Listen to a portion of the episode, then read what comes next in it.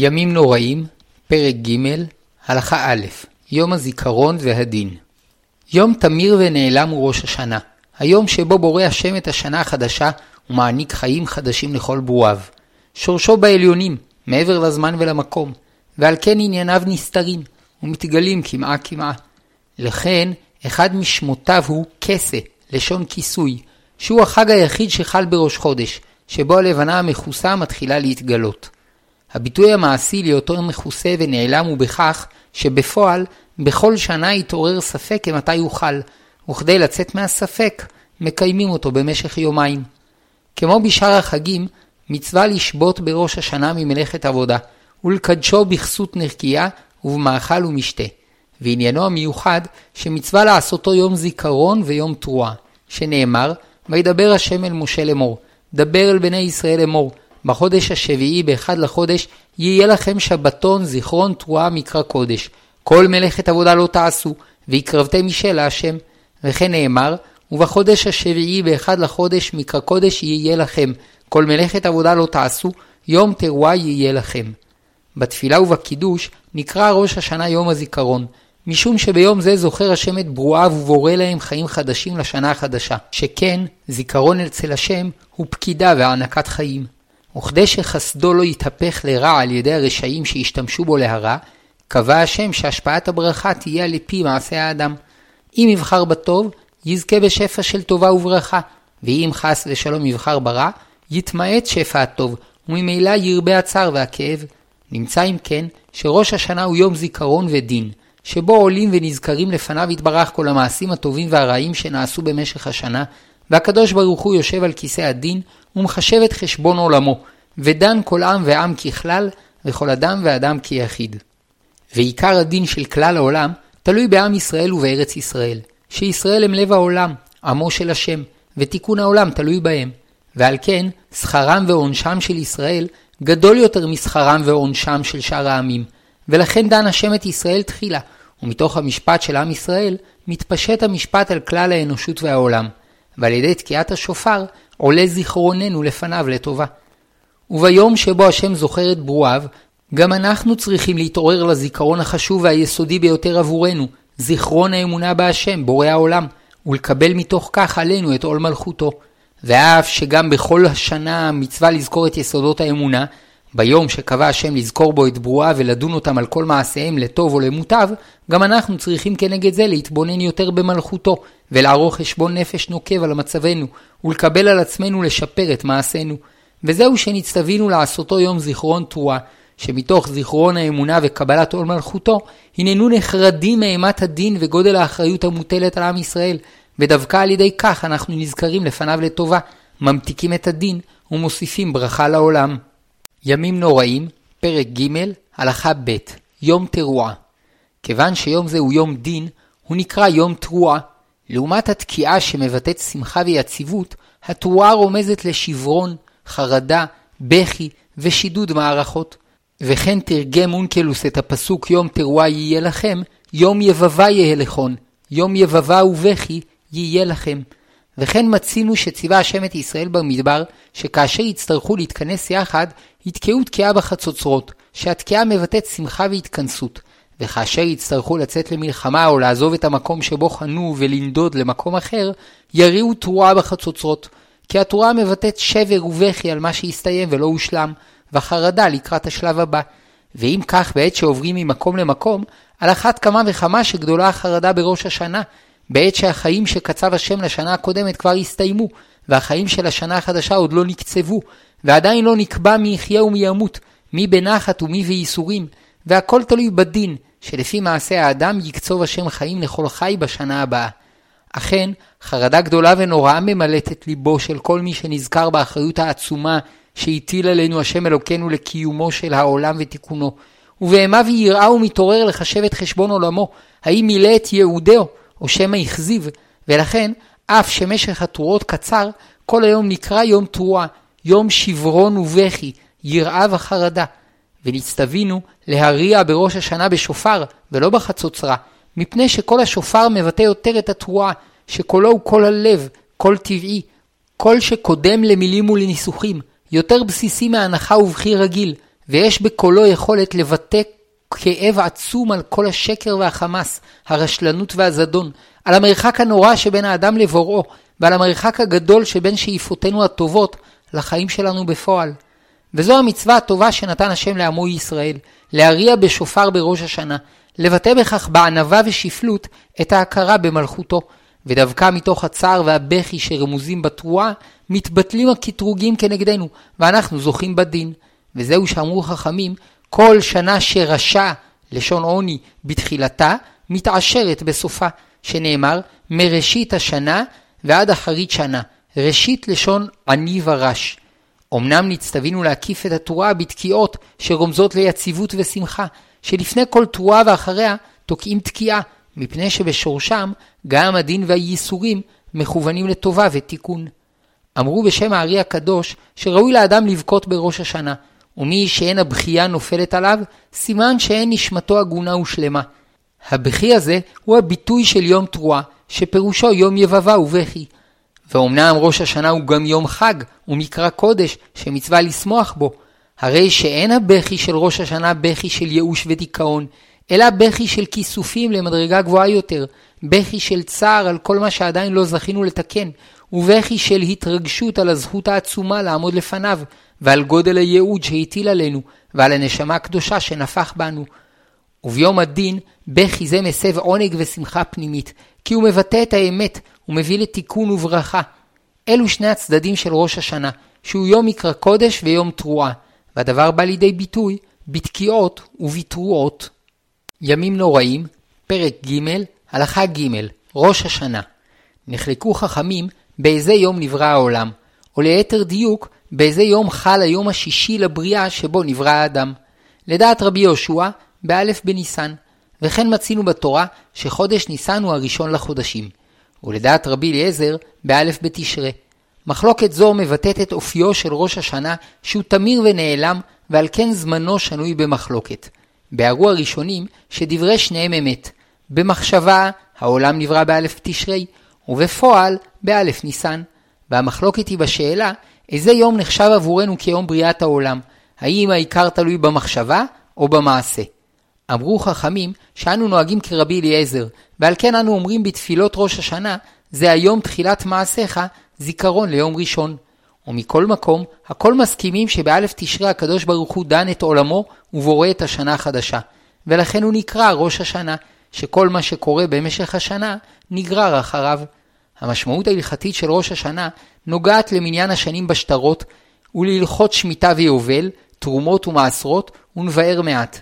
בכל שטר צריך להיות כתוב תאריך, מפני שצריך לדעת מתי מתחיל החיוב שכתוב בשטר, ואם כתבו בשטר תאריך מוקדם, הוא פסול, ובכל א' בתשרה עוברים לשנה הבאה. בימי האמוראים והגאונים נהגו למנות את השנים למלכי יוון. מסוף תקופת הגאונים החלו למנות את השנים מבריאת העולם.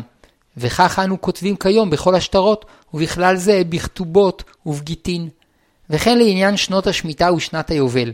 זמן תחילת השנה הוא ראש השנה. וכן הצטווינו שהתרומות והמעשרות שאנו מפרישים יהיו מפירות אותה שנה. אבל המפריש תרומות ומעשרות מפירות של שנה אחת על חברתה, לא קיים את מצוותו, שנאמר, עשר תעשר את כל תבואת זרעיך, היוצא השדה, שנה שנה. הזמן המבדיל בין שנה לחברתה, לתבואה וירקות, הוא ראש השנה. ימים נוראים, פרק ג', הלכה ד', חגיגיות בלבוש וסעודות.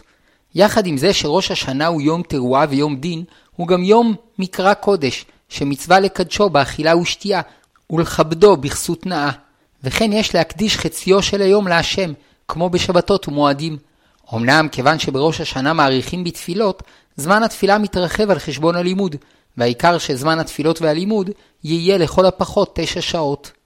וכיוון שהוקשו כל המועדים זה לזה, כשם שמצווה לשמוח בשלושת החגים, כך מצווה לשמוח בראש השנה ביין ובשר, ולכן הוא גם נקרא חג, שנאמר, תקעו בחודש שופר בכסה ליום חגנו. אלא שהואיל והוא גם יום דין ותרועה, לא נצטווינו לשמוח בו שמחה יתרה כמו בשאר החגים. ולכן אין אומרים בתפילת ראש השנה מועדים לשמחה, חגים וזמנים לששון, כפי שאומרים בשאר החגים. וגם אין אומרים בו הלל, ודבר זה שאלו מלאכי השרת לפני הקדוש ברוך הוא, מפני מה אין לישראל אומרים שירה לפניך בראש השנה וביום הכיפורים? אמר להם, אפשר מלך יושב על כיסא דין, וספרי חיים וספרי מתים פתוחים לפניו, וישראל אומרים שירה? לפיכך, מצווה לערוך בו שתי סעודות מכובדות, אחת בלילה ואחת ביום, ולשמוח בהן בבשר ויין. אלא שכתבו הראשונים, שלא יאכל אדם בראש השנה כמלוא שובעו, כדי שלא יקל ראשו, ותהיה יראת השם על פניו. הרי שסעודות ראש השנה צריכות להיות יותר חשובות ומשמחות מסעודות שבת, אבל לא כמו סעודות שלושת הרגלים. וכן מצווה ללבוש בראש השנה בגדים מכובדים ונעים, ולכבס אותם לקראת החג, אבל אין לובשים את הבגדים היפים ביותר כמו בשאר החגים, מפני מורא דין. ויש נוהגים ללבוש בגדים לבנים בראש השנה. מי ששערותיו מגודלות באופן שאינו מכובד, צריך להסתפר לכבוד ראש השנה, והרגיל להתגלח, צריך להתגלח לכבוד ראש השנה. וכן למדנו מעזרא הסופר, שיחד עם ההתעוררות לתשובה, הורה לעם לשמוח בראש השנה, מפני שהוא יום קדוש להשם. בימי הקמת בית המקדש השני ותחילת התבססות היישוב היהודי בארץ אחר גלות בבל, רבים מעמי הארץ לא שמרו מצוות כראוי. ובראש השנה, נחמיה המנהיג המדיני ועזרא הסופר המנהיג הרוחני, כינסו את כולם, אנשים ונשים, כדי לעוררם בתשובה. ועזרא קרא בפניהם בתורה, מהבוקר ועד חצות היום, ופרש להם את התורה והמצוות, וכשהבינו השומעים שנכשלו בעבירות, התעוררו לחזור בתשובה, והחלו להתאבל ולבכות, ונחמיה ועזרא עודדו את רוחם, ואמרו, היום קדוש הוא להשם אלוהיכם, אל תתאבלו ואל תבכו, כי בוכים היו כל העם כשומעם את דברי התורה, ואף הורו להם לערוך סעודות, לכו יכלו משמנים, ושתו ממתקים, ושילחו מנות לאין נכון לו, לעניים, כי קדוש היום לאדוננו, ואל תעצבו, כי חדבת השם היא מעוזכם. והלוויים מחשים לכל העם לאמור, הסו, אל תבכו, כי היום קדוש, ואל תעצבו. והורו להם לאכול משמנים ולשתות ממתקים, כדי שיקיימו את מצוות החג בבשר ויין. בנוסף לכך, יהיה בזה סימן טוב לכל השנה, שתהיה שמנה ומתוקה. וילכו כל העם לאכול ולשתות ולשלח מנות ולעשות שמחה גדולה, כי הבינו בדברים אשר הודיעו להם. הבינו שהשם אינו רוצה להענישם, אלא שמח בחזרתם בתשובה. אמנם בתקופת הגאונים והראשונים, היו חסידים ותלמידי חכמים שנהגו לצום בראש השנה, ומסתבר שבעקבות ייסורי הגלות, הרגישו צורך להזדהות עם צער השכינה, שהאח יהיו הם אוכלים ושמחים ביום הדין, כשהשכינה בגלות, וחפצו לעשות תשובה יתרה, בקבלת ייסורים וסיגופים כדי לבטל הרעה. אולם למעשה נפסק להלכה שגם בימי הגלות המרים מצווה לערוך סעודות בראש השנה, וקל וחומר שאסור לצום. ימים נוראים, פרק ג', הלכה ה', ביאור הביטחון והשמחה. אמרו חכמים על הפסוק, כי מי גוי גדול אשר לא אלוהים קרובים אליו כשם אלוקינו ובכל קוראנו אליו, איזו אומה כאומה זו שיודעת אופיו, מנהגה ודיניו של אלוהיה, שמנהגו של עולם, אדם שיש לו דין, לובש שחורים, ומתעטף שחורים, ומגדל זקנו, ואין חותך ציפורניו, לפי שאינו יודע איך יצא דינו. אבל ישראל אינם כן, לובשים לבנים, ומתעטפים לבנים, ומגלחים זקנם, ומחתכים ציפורניהם, ואוכלים ושותים ושמחים בראש השנה, לפי שיודעים שהקדוש ברוך הוא יעשה להם נס. לכאורה יש לשאול, וכי איך אנחנו יכולים להיות בטוחים שיעשה לנו השם נס ונזכה במשפט? הרי בעינינו אנו רואים איך בכל שנה מתים כמה וכמה אנשים, ורבים ניזוקים או נעשים חולים, הרי שלא נעשה להם נס. אלא שכל מי שמקיים את מצוות החג כראוי, הוא מקבל על עצמו את מלכותו, ומתוך כך מתעורר להתעלות בעבודת השם, מובטח לו שהקדוש ברוך הוא ידון אותו לטובה, מפני שזה רצונו של השם יתברך, להיטיב לברואיו, ובמחשבה פשוטה, הכוונה היא שיברך השם אותנו בשנה טובה, כפי שבדרך כלל קורה. אלא שאנו גם יודעים שלפעמים מפני גודל החטא או חסרון העולם, רואה הקדוש ברוך הוא שטוב לו לאדם שימות או יתייסר, שעל ידי כך יזכה לזכך את מעשיו ולתקנם, ויזכה לחיים אמיתיים בעולם הבא. ואף שאנו מעוניינים שהטוב האלוקי יתגלה אלינו בעולם הזה בלא ייסורים, מכל מקום, גם אם עדיין לא זכינו לכך, הננו יודעים שהדין הוא לטובתנו, וראוי לנו לשמוח בו. וכיוון שרצה הקדוש ברוך הוא לזכות את ישראל, קבע את יום הזיכרון והתורה כיום שבתון מקרא קודש, ועניינו של יום קדוש הוא שפורשים בו ממלאכת החול ודאגותיו, ומגלים את הקדושה בתורה ותפילה ושמחה של מצווה בסעודות. ואם לא היינו מצווים לעשות חג בראש השנה, מסתבר שמרוב חרדה מאימת הדין, היינו עוסקים במשך כל ראש השנה בבקשות פרטיות, וזה לא היה מועיל לנו בדין, אלא מזיק, מפני שהחטא נובע מכך שהאדם שוכח את תפקידו המקודש, ועוסק בענייניו הפרטיים.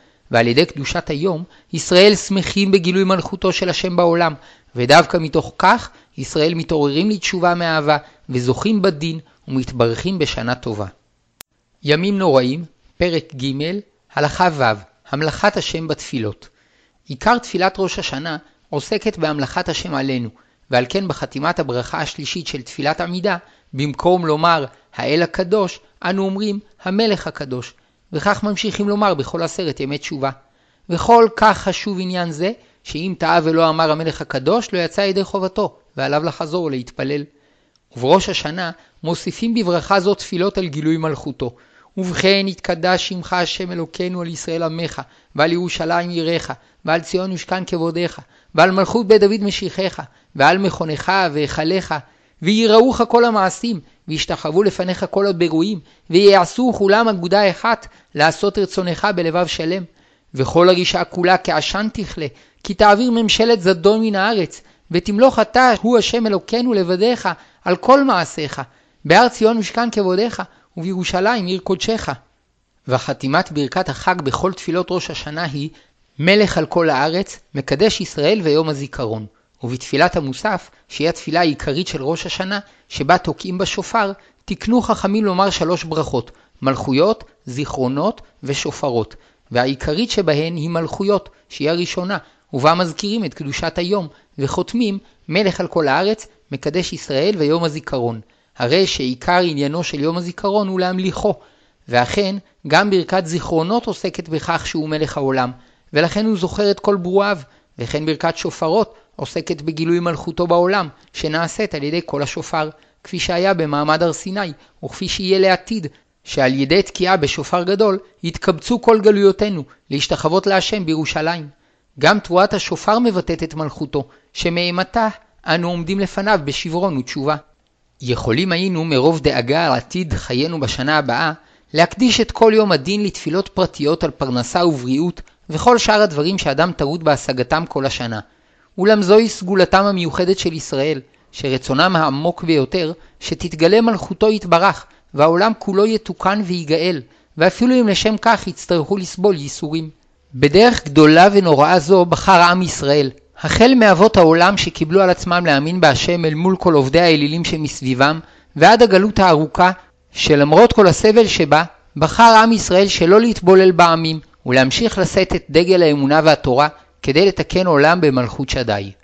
וכשישראל מניחים את צערם ועוסקים בכבודו וגילוי מלכותו, אומר הקדוש ברוך הוא למלאכים, ראו בניי חביביי, שמניחים צערם ועוסקים בכבודי, ובכך מסתתמות טענותיו של השטן, שרוצה לבטל את ישראל מהעולם, וישראל זוכים לשנה חדשה, שבה יתקדמו עוד צעד לקראת התיקון והגאולה. וככל שנזכה לקבל עלינו בראש השנה את מלכותו, בענווה ויראה, בגיל ורעדה, כך נזכה יותר לשנה טובה ומבורכת. ימים נוראים, פרק ג', הלכה ז', ראש השנה יומיים. על פי התורה, ראש השנה הוא יום אחד בלבד, שנאמר, בחודש השביעי באחד לחודש יהיה לכם שבתון זיכרון תרועה מקרא קודש. אולם בפועל, אנו מקיימים את ראש השנה במשך יומיים. כדי להבין את העניין, צריך לבאר שכל החגים תלויים בחודש העברי, שנקבע על פי מחזור הירח. בתחילת החודש, הלבנה נראית לעינינו קטנה מאוד, כקו דק, והיא הולכת וגדלה עד אמצע החודש, שאז הלבנה נראית במילואה עיגול שלם. במחצית השנייה של החודש, הלבנה הולכת ומתמעטת, עד שבסוף החודש היא נעלמת מעינינו לחלוטין למשך כ-24 שעות. לאחר מכן, היא שוב חוזרת להיראות כקו דק, ובכך מתחיל חודש חדש. והמצווה היא שיבואו עדים שראו בליל שלושים את הירח החדש, המולד, ויעידו על כך בפני בית הדין, ועל סמך עדותם, בית הדין יקדש את החודש.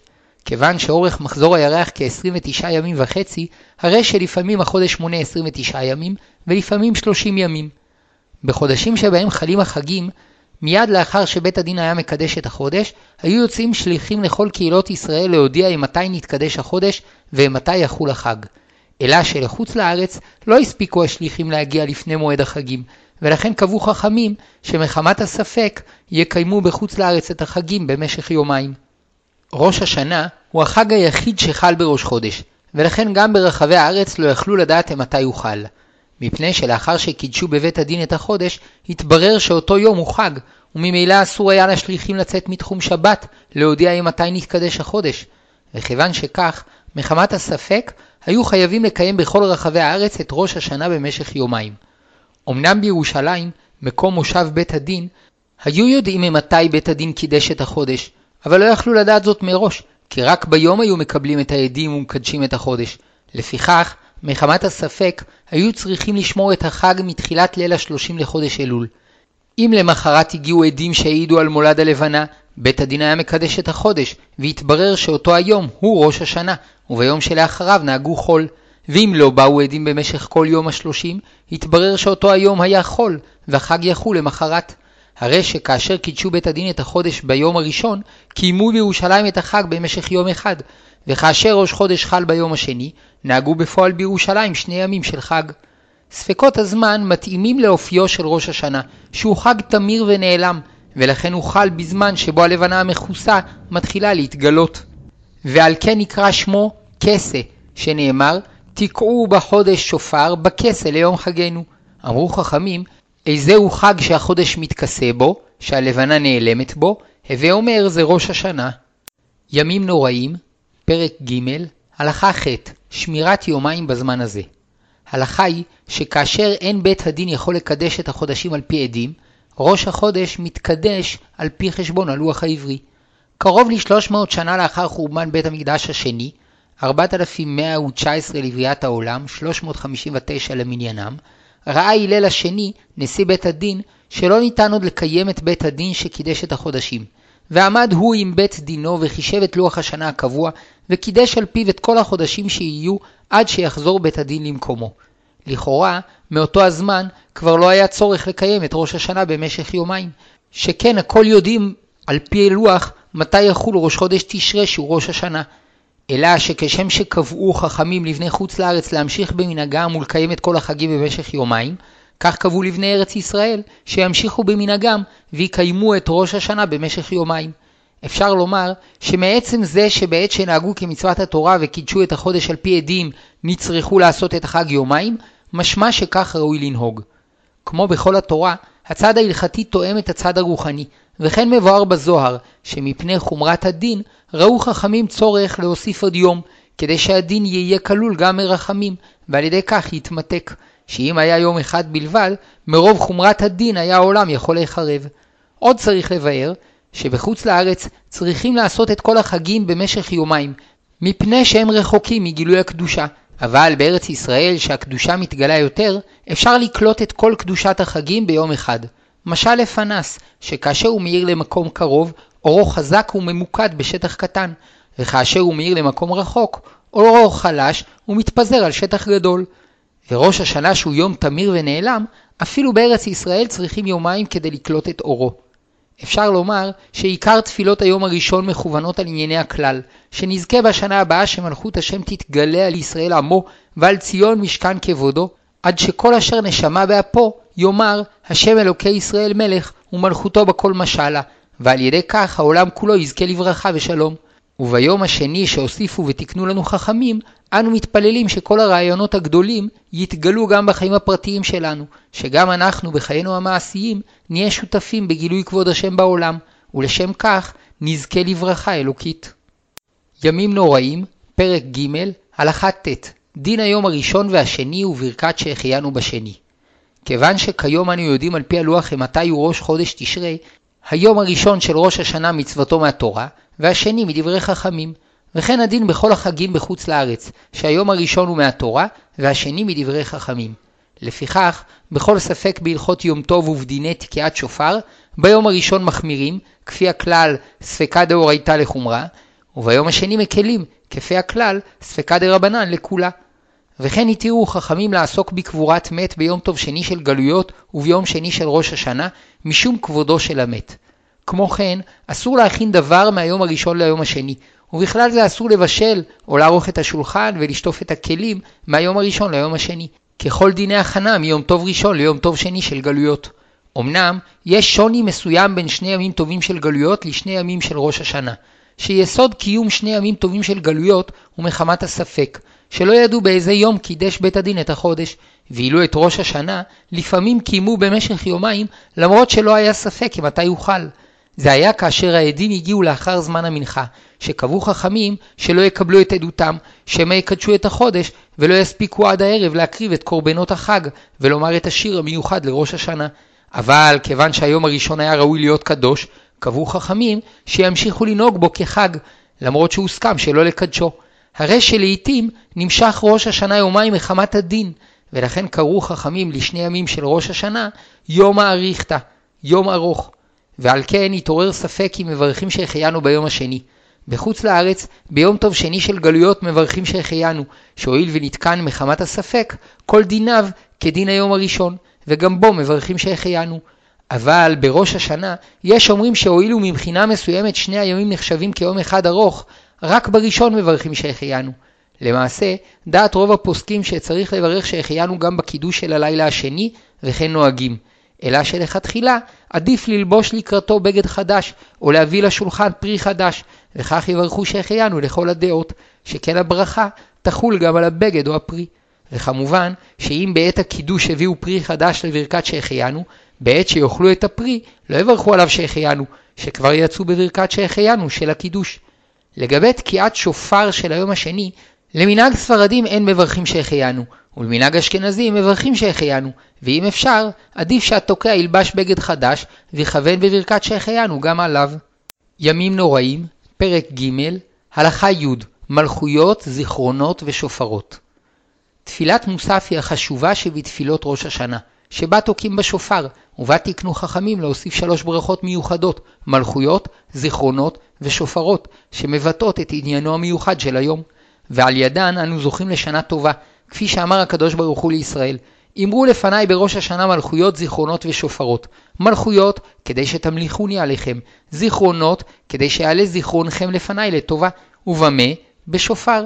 שלוש הברכות הללו, חטיבה אחת הן, ומי שאינו יודע אחת מהן, לא יברך את השתיים שהוא יודע, וגם סדרן מעכב, שאם אמרן בסדר אחר, לא יצא.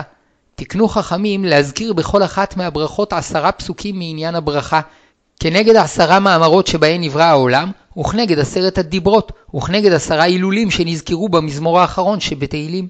בכל ברכה וברכה פותחים בשלושה פסוקים מהתורה, לאחר מכן שלושה פסוקים מהכתובים, אחר כך שלושה מהנביאים, ומסיימים בפסוק מהתורה.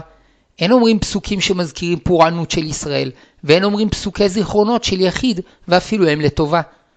בברכה הראשונה כוללים את קדושת היום יחד עם המלכויות. פותחים בה בנוסח הרגיל של כל החגים, אתה וחרתנו, ואחר כך אומרים את תפילת עלינו לשבח, שבה אנו מודיעים ומשבחים להשם על שזכינו להכיר במלכותו, ומתפללים שגם כל הגויים יקבלו עליהם את עול מלכותו, וממשיכים לומר את פסוקי המלכויות, ומסיימים בפסוק שמע ישראל, שאף שאין מזכירים בו את מלכותו, יש בו קבלת עול מלכות שמיים. בסיום הברכה מתפללים שימלוך השם על כל העולם כולו בכבודו, ויקרבנו לעבודתו, לתורתו ומצוותיו. כי אתה האלוקים אמת, ודברך אמת וקיים לעד. ברוך אתה השם, מלך על כל הארץ, מקדש ישראל ויום הזיכרון. הברכה השנייה, זיכרונות, בה אנו מספרים שהשם זוכר את עולמו ואת כל הברואים ואת כל מעשיהם, ובמיוחד ביום זה שהוא יום תחילת מעשיך זיכרון ליום ראשון, שבו השם דן את עולמו. ואנו מתפללים שיזכור השם אותנו לטובה, ויפקדנו לישועה, וחותמים, ועקדת יצחק לזרוע היום ברחמים תזכור, ברוך אתה השם זוכר הברית. הברכה השלישית, שופרות, בה אנו מתארים את התגלותו אלינו בהר סיני בקול השופר, ומתפללים שיופיע ויתגלה אלינו שוב בקול השופר שיבשר את הגאולה. תקע בשופר גדול לחירותנו, ושא נס לקבץ גלויותינו, וקרב פזורנו מבין הגויים, ונפוצותינו כנס מירכתי ארץ, והביאנו לציון עירך ברינה, ולירושלים בית מקדשך בשמחת עולם. כי אתה שומע קול שופר, ומאזין תרועה, ואין דומה לך. ברוך אתה השם, שומע קול תרועת עמו ישראל ברחמים. מי שנמצא במקום שאין בו מניין, נכון שלא יתפלל מוסף, ולא יתקע בשופר בשלוש שעות ראשונות של היום, כי אז הדין עוד מתוח, ובלא עזרת הציבור, יש חשש שלא יזכה בדין. אבל בציבור אפשר להתפלל גם בשלוש השעות הראשונות, שתפילת הציבור מתקבלת, וגם כשאינם מכוונים כראוי, אין הקדוש ברוך הוא מואס בתפילתם. ימים נוראים, פרק ג', הלכה י"א, ענייני תפילה וקריאה בתורה. אין אומרים וידוי בראש השנה, בין וידוי בנוסח ציבורי ובין וידוי בנוסח אישי, מפני שעניינו של ראש השנה הוא להמליך את השם עלינו ועל העולם כולו, ולבקש שהשנה הבאה תהיה טובה, כדי שנוכל לגלות בה את כבוד מלכותו, ואין ראוי לעסוק ביום זה בתיקון הפרטי שלנו, שלמענו מוקדשים שאר ימי התשובה, וגם אין ראוי להזכיר חטאים שפוגמים בכבוד מלכותו, ואף יש חשש שהזכרתם עלולה לחזק את טענת המקטרגים שעומדים כנגדנו. יש סוברים שכשם שאין אומרים וידוי בראש השנה, כך צריך להשמיט מתפילת אבינו מלכנו את המשפטים שמזכירים בהם חטא, כדוגמת אבינו מלכנו חטאנו לפניך, ויש נוהגים לומר בראש השנה את כל נוסח אבינו מלכנו, מפני שהמשפטים שמזכירים בהם חטא אינם נחשבים כווידוי, אלא כציון מצב כללי. למרות שראש השנה הוא יום חג, שהיה ראוי לומר בו הלל, כיוון שהוא יום דין אין אומרים בו הלל. שינויים רבים יש בתפילות עמידה של הימים הנוראים, והעיקרי שבהם, שבחתימת הברכה השלישית אומרים המלך הקדוש במקום האל הקדוש. ואם טעה ואמר האל הקדוש, לא יצא, כמבואר להלן. דיני החזן ומנהגיו נתבהרו לאל. המנהג שקמים בעת שפותחים את הארון, ושכיום אין להתפלל עמידה בקול, נתבהר לאל.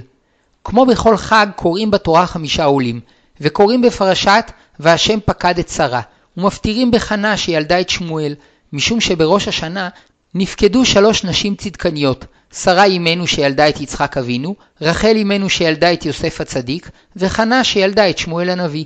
עקרותן נבעה מכך שלרו מעלת צדקותן היו צריכות להוליד נשמות בעלות חידוש מיוחד כל כך, שבדרך הטבע לא היו יכולות להיוולד, ורק בזכות ההתחדשות שבראש השנה נפקדו. אמנם רוב הפרשה עוסקת בגירושו של ישמעאל, ושני יסודות אפשר ללמוד מזה. א', למרות הכאב, לא היה פגם מוסרי בגירוש ישמעאל, שאם היה פגם, לא היו מתקנים חכמים שנקרא פרשה זו בראש השנה, כדי שלא להוסיף עלינו קטרוג. ב.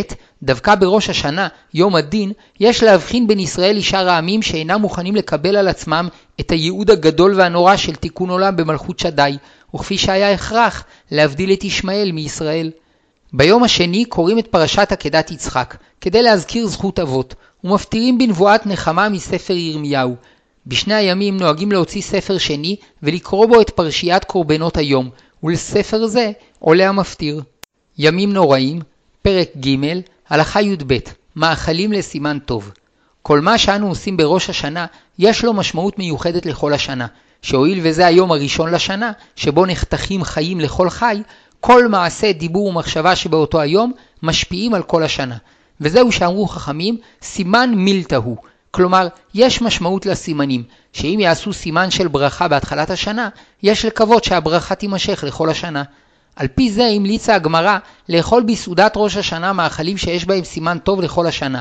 קרטה לסימן שיכרתו שונאינו, רוביה לסימן שירבו זכויותינו, תמרים לסימן שיתמו שונאינו וחטאינו, סלק לסימן שיסתלקו שונאינו, דלעת לסימן של ברכה, שהיא פרי ענק שגדל במהרה. וכן נוהגים לאכול תפוח בדבש או מי סוכר, סימן לשנה טובה ומתוקה, ורימון, מפני שיש לו גרעינים מרובים, והוא סימן שירבו זכויותינו. וכן נוהגים לאכול ראש של כבש או דג, לסימן שנהיה לראש ולא לזנב. וכן נוהגים לאכול דגים, לסימן שנפרק הדגים, בלא שתשלוט בנו עין הרע. על פי העיקרון הזה, נוספו מנהגים לאכול מיני מאכלים שונים, שיש בשמם או צורתם או טעמם סימן טוב לשנה החדשה. כל עדה לפי שפתה והמאכלים שהיו מצויים אצלה, וטוב כשאפשר להמשיך במסורת. אין מסתפקים באכילת הסימנים, אלא אמרו הראשונים שנכון להוסיף תפילה קצרה על אכילת כל סימן וסימן. למשל, על התמר אומרים, יהי רצון מלפניך השם אלוקינו ואלוקי אבותינו, שאיתמו שונאינו. ובאר השלה, שהעיקר הוא להתעורר מתוך אכילת הסימנים בתשובה ותפילה, שכל תפילות ראש השנה יש להן השפעה רבה על כל מה שיהיה במשך השנה, ועל כן ראוי שאפילו האכילה עצמה תהיה ספוגה בתפילות על השנה הבאה, שתהיה טובה ומתוקה. רבים נוהגים לטבול בראש השנה את החלה שמברכים עליה המוציא בדבש, או במי סוכר, לסימן שתהיה השנה טובה ומתוקה. יש נוהגים לטבול את החלה לפני כן במעט מלח, באופן שלא יפגום בטעם המתוק, ויש נוהגים שכאשר טובלים את החלה בדבש או במי סוכר, מסתפקים בהנחת המלח על השולחן, בלא שטובלים בו את החלה. יש נוהגים להמשיך לטבול את החלה בדבש בכל השבתות והחגים עד שמחת תורה, ומנגד, יש שלא נהגו לטבול את החלה בדבש אפילו בראש השנה. וכל המנהגים כשרים, וראוי לכל אדם להמשיך במסורת אבותיו. נוהגים לאכול בראש השנה מאכלים טובים ומשובחים לסימן טוב לכל השנה. ורבים נמנעים מלבשל מאכלים חמוצים, מלוכים ומרירים, או פירות בוסר. כך נוהגים כל יוצאי אשכנז ורבים מיוצאי ספרד. לגבי מאכלים חריפים, רבים נהגו שלא להימנע מלאוכלם, ויש מיוצאי אשכנז שנהגו להרבות במאכלים מתוקים, וממילא לא אכלו מאכלים חריפים ומפולפלים. עוד נהגו יוצאי אשכנז שלא לאכול אגוזים בראש השנה, שיש בו צד של רמז לחטא, ועוד שהוא מרבה כיחה וניעה בגרון ועלול להפריע לתפילה. ימים נוראים, פרק ג', הלכה י"ג, סדר האכילה. יש נוהגים לאכול את הסימנים עוד לפני אכילת הלחם, אבל המנהג הנכון יותר להקדים את הלחם, מפני שלפי ההלכה, מצד חשיבות הלחם יש להקדימו לשאר המאכלים. בנוסף לכך, אם יאכלו את הסימנים לפני הלחם, יתעורר ספק האם צריך לברך אחריהם ברכה אחרונה. לפיכך, לפיכך, לאחר הקידוש נוטלים ידיים ובוצעים על החלה, ורבים טובלים אותה בדבש או במי סוכר. לאחר מכן, אוכלים מהסימנים, וצריך לברך העץ על אחד מפירות העץ, ולפתור בכך את שאר הפירות. וזאת משום שברכת המוציא פותרת את המאכלים שנועדו לשביעה, שהם באים מחמת הסעודה, אבל פירות העץ שמביאים לסימנים נועדו להוסיף טעם ואינם חלק מהסעודה, ועל כן הם טעונים ברכה. ואף שאכילת התפוח בדבש היא הסימן המפורסם ביותר, כיוון שהתמר משבעת המינים, וגם בתוך סדר שבעת המינים הוא חשוב מהרימון, שהוא קרוב יותר למילה ארץ, נכון לברך עליו ולפתור בברכתו את שאר פירות העץ. לאחר ברכה על התמר, יש לאכול ממנו מעט, ורק לאחר מכן לומר את היהי רצון שרגילים לומר, כדי שלא להפסיק בין הברכה לאכילה. על הסימנים שברכתם האדמה אין צריך לברך, מפני שהם מבושלים כדרך הסלטים שבסעודה שנועדו לשביעה, והרי הם נחשבים כבאים מחמת הסעודה, ונפטרים בברכת המוציא. נוהגים לפני כל סימן לומר יהי רצון, ואפשר שאחד המסובים יאמר אותו בקול רם, והכל יענו אחריו אמן, ולאחר מכן יאכלו. יש נוהגים לאכול את הסימנים רק בלילה הראשון, אולם רוב ישראל נוהגים לקיים את מנהג הסימנים בשני הלילות, ויש שהידרו לקיים את מנהג הסימנים גם בסעודות היום. ימים נוראים, פרק ג', הלכה י"ד, עוד מנהגי סימנים. כיוון שכל מה שעושים בראש השנה הוא סימן לכל השנה, ראוי לכל אדם לשמוח ולבטוח בהשם שיקבל תשובתו, וירבה באהבה עם חבריו, וידון אותם לכף זכות, ולא יכעס, ולא יתקוטט עם חבריו, ולא ידבר עליהם רעות, שמלבד האיסור שיש בכך, יש בזה גם סימן רע לשנה הבאה. כיוון שראש השנה הוא חג, יש מצווה לשמוח ולשמח בו, ולכן בסעודת החג ישתדל כל אדם לשמח את כל בני משפחתו והמסובים, ויש בזה סימן טוב לכל השנה. נכון שלא להרבות בשינה בראש השנה, שאמרו חכמים שכל הישן בראש השנה, מזלו ישן כל השנה. אלא מעבר לתפילות ולסעודות, ראוי להרבות בלימוד תורה. עם זאת, עדיף שלא למעט מדי בשינה, כדי להתרכז בתפילה ובלימוד, ולכן, מי שחש עייפות לאחר הסעודה, טוב שיישן על מנת שיוכל ללמוד כראוי. ויש מהגדולים שנהגו לישון בראש השנה כמו בכל החגים. ובכל אופן, כפי שלמדנו, יש להקפיד להקדיש חציו של היום להשם, והעיקר שזמן התפילות והלימוד יהיה לכל הפחות תשע שעות. יש נוהגים שלא לישון במשך כל היום, סגולה לערנות וחיוניות במשך כל השנה, והיושב בבטלה, למרות שהוא ער, נחשב כישן. ורוב האחרונים כתבו על פי הארי שעיקר ההקפדה היא שלא לישון לפני חצות היום. לפי מנהג זה, נכון לקום בעלות השחר, או לכל הפחות בהנץ החמה. ומכל מקום, מי שחושש שאם יקום לפני הנץ יתקשה לכוון בתפילה או לשקוד אחר כך על תלמודו, רשאי לישון עד סמוך לשעת התפילה, שאין סגולה זו חשובה כמצוות לימוד התורה וכוונת התפילה. לאחר תפילת ערבית, מברכים איש את רעהו, לשנה טובה תיכתב ותחתם, ולאישה תיכתבי ותחתמי. ויש אומרים שהואיל והחתימה ביום הכיפורים, יש לומר בראש השנה לשנה טובה תיכתב בלבד. גם למחרת מברכים בנוסח זה, אבל לאחר חצות היום כבר אין מברכים, כי עיקר הכתיבה הסתיימה, ואפשר להסתפק בברכת שנה טובה. ואם המברך מוסיף ברכות, ראוי להשיב לו באותן ברכות, ואפשר גם להשיב לו וכן למר, היינו שכל הברכות שברכת אותי יחולו גם עליך מכובדי. ביום השני יש שאינם מברכים, כי עיקר הדין בראשון, ורוב הציבור נוהג לברך, מפני שגם בו יש כתיבת דין, וכל המנהגים כשרים. ימים נוראים, פרק ג', הלכה ט"ו, תשליך. רבים נוהגים ללכת ביום הראשון למקום מים, ים או נהר או מעיין, ולומר מספר פסוקים, ובכללם, ישוב ירחמנו, יכבוש עוונותינו, ותשליך באמצולות ים כל חטאותם. ועל שם כך נקראת התפילה תשליך. במשך הזמן נהגו רבים להוסיף באותה הזדמנות עוד פרקים ותפילות. יסוד מנהג אמירת תשליך בתקופת הראשונים באשכנז, ובמשך הדורות הפך לרווח גם בקרב הספרדים, במיוחד לאחר שהארי הקדוש שיבח אותו. אמנם אין חובה לקיים את מנהג התשליך, וכן למעשה יש מגדולי ישראל שלא נהגו לקיימו, וכן נוהגים רוב יוצאי תימן, ויש חסידים שמקיימים אותו באחד מימות החול שלאחר ראש השנה. בטעם המנהג, יש שכתבו שנועד להזכיר את מסירות נפשו של אברהם אבינו ויצחק אבינו, שבשעה שהלכו לעקדה, עברו דרך נחל מים שפתאום שטף בדרכם כדי להעמידם בניסיון. בנוסף לכך, המים רומזים לטהרה ולחיים, וכאשר אדם מתעלה בתשובתו, הוא נטהר ומתנקה, ועוונותיו מתבטלים במי הטהרה. ועוד, שיש בזה בקשה שישליך השם את הקטרוגים שנוצרו על ידי החטאים למצולות ים, באופן שלא ייזכרו עוד, ויש נוהגים לנער בעת אמירת תשליך את שולי בגדיהם, לרמוז שהחטאים הם חיצוניים לנו, ורק מחמת השפעות זרות חטאנו בהם, ובאמת אנחנו מתנערים מהם. רוב הנשים לא נהגו לקיים את מנהג תשליך, ויש אומרים שאף עדיף שלא יקיימו אותו, כדי שלא תיווצר ערבוביה בין גברים לנשים בעת שהולכים אל המים. ומכל מקום, נשים שרוצות לקיימו, רשאיות.